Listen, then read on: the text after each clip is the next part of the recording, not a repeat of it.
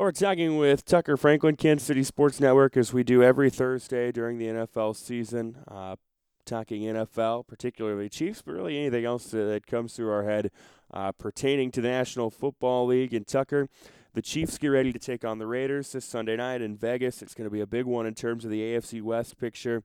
And for the first time this year, the Chiefs come into it off of back to back wins, uh, just like we expected in week 10, right? Right, yeah, that's a great stat. I, it's something I guess I just hadn't realized that the Chiefs hadn't come off back to back wins. But I mean, it makes sense if you look at the Chiefs' schedule. Man, they've had one of the hardest schedules, I think the hardest schedule in the National Football League. So it's not a surprise that they, they haven't won as many games as, as they've really wanted and really expected. And I know we talked about several times about our expectations changing, but I think our expectations are starting to get back to where they were at the beginning of the season. I don't know. They're starting to get back up there. I'll tell you that. Yeah, no, I I totally agree, and I also think uh, the rest of the AFC isn't really doing us Chiefs fans uh, any favors. I would say with our our well being as football fans, because uh, you look at the way the AFC is shaping up right now. It seems like every week uh, the team that emerges as the new favorite all of a sudden has kind of a jaw dropping loss. I think the Ravens were, were kind of trending that way before they got clowned by the Bengals. Uh, then you think maybe, okay, the Bengals are for real. They've lost two in a row, including one of those to the Jets. Uh, the Bills, the same way. You think, okay, that you know maybe they're the team to beat in the AFC, and maybe they still are. I don't, I, I don't really know. But they lose to the Jaguars, uh, and now the Titans, a Derrick Henry-less Titans, maybe looks like the team to beat in the AFC.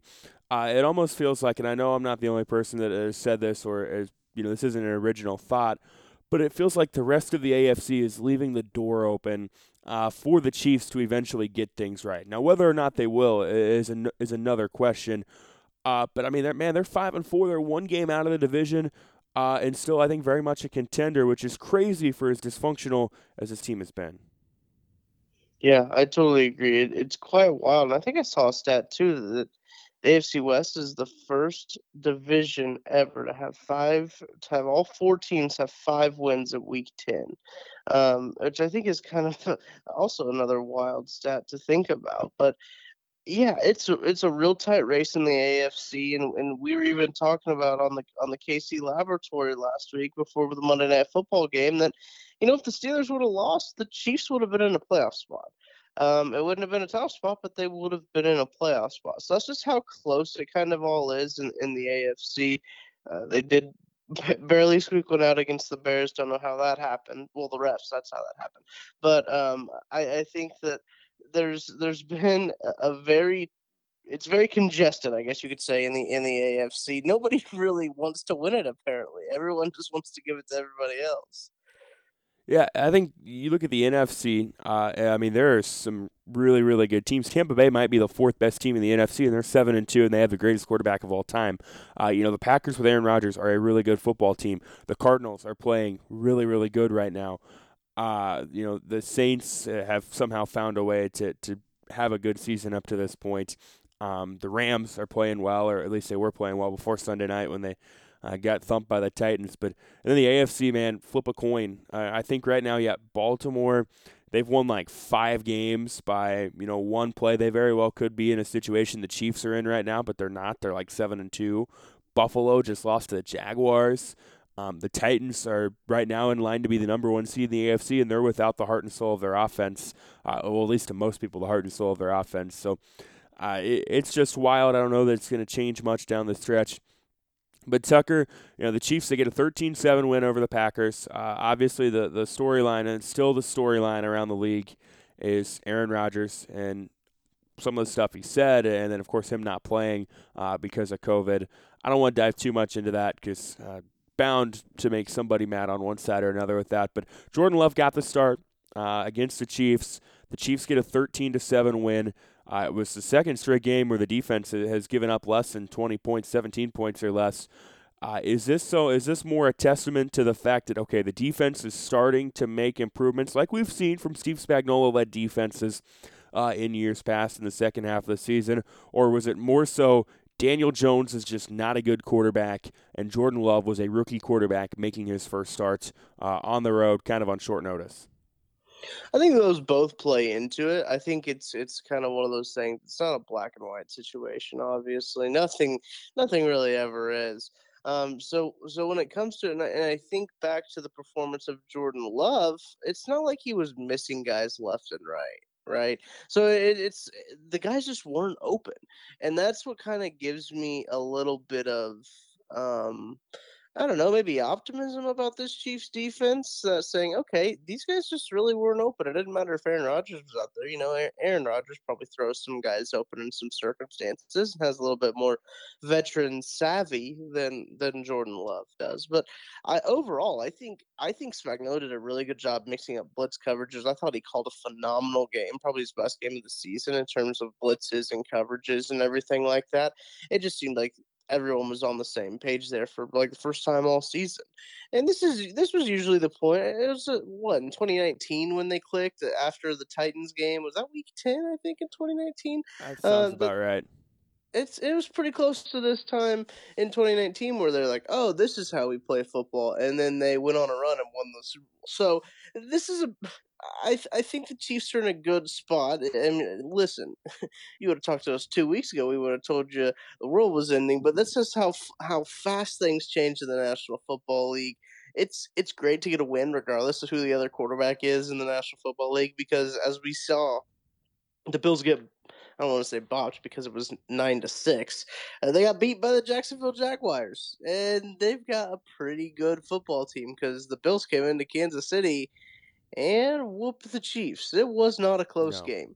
Um, and they looked like the worst team, the Chiefs did. So anything can happen in this league. This league is, I think the parity is maybe at an all time high just because there's so many good players and, and so many good individual performances that can sway uh, the result in, in one direction or another. So I think the Chiefs have to just kind of uh, keep luck on their side. It seemed like the Lady Luck is kind of leaning the Chiefs' way once again after completely turning turning her back on the Chiefs for the last you know beginning of the season. So I think that's kind of what needs to happen is the Chiefs have got to continue to get lucky and they've got to continue to catch breaks and they've got to continue to capitalize on catching those breaks. Which is, I mean, it's no different than any other team. Uh, when you right. think about it, uh, you know, the Patriots for the longest time um, you know, did they get more calls their way than other teams? I would say probably not. They took advantage of those, though, and that's what, what good teams do. Uh, there were some really weird results in the NFL this week. You mentioned the Bills and the Jaguars, the Broncos clown the Cowboys. Um, the the Bengals got clowned by the Browns, who have been kind of a mess lately. So, uh, yeah, just a lot of interesting results this week. Uh, Tucker, the Raiders coming up this this upcoming week the Raiders have uh, have obviously just been a, a mess this year. You know, with numerous things. You know, the Jon Gruden situation, uh, and then obviously the, the very tragic uh, and terrible Henry Ruggs situation, uh, and then now with Damon Arnette and the stuff going on there. Uh, they are the Chiefs are not the most dysfunctional team in the AFC West right now, which uh, is really saying something. What do they need to do to go into Vegas, get a win, and really um, immerse themselves as a contender again in the AFC West? Man, they just got to do whatever it takes. I don't care if it's they need to run the ball, uh, you know, 30, 40 times. They need to throw the ball 50 times. They just got to do whatever it takes to get this win. And, and these games are always really tough too against a against a divisional opponent because the Raiders, the Broncos, the Chargers, they're all beat to beat or they're all built to beat the Kansas City Chiefs. That's just how teams within your division are going to be built is to beat the best team in the division. And for 5 straight years, the Kansas City Chiefs have been the best team in the AFC West.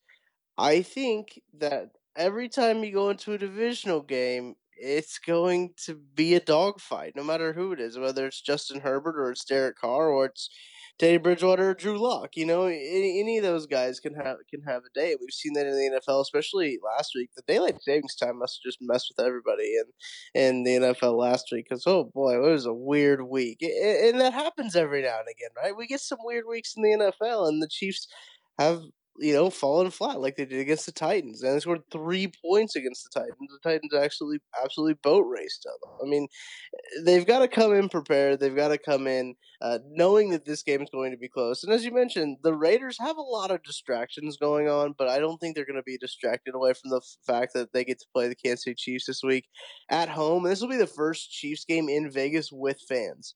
Um, so I, I, think that that will be huge for for the Raiders, a huge advantage for them.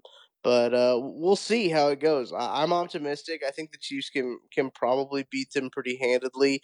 Uh, Greg Olson is, is calling the plays over there. They took over for um, Jon Gruden once he got once he resigned. He didn't get let go. He resigned, and and uh, after that they kind of stopped calling a bunch of those deep shot hit plays.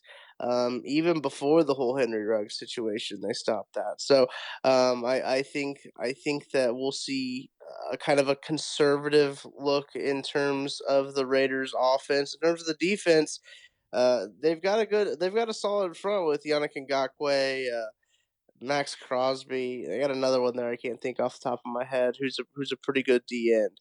Um, so so I I'm, I really think it'll be a good test, good measuring stick game for the Chiefs this weekend. Should be a fun one. I'm looking forward to it. Sunday night football, uh, always fun when you get to enjoy Sunday night football because it gives me an excuse to, to barbecue during the day and the evening and then enjoy the Chiefs uh, night. Tucker Franklin, Kansas City Sports Network. Uh, Tucker, we always appreciate it, my friend. Enjoy the, the slate of games coming up this week, and we will catch up again next week. Yes, sir. Thank you, Trev.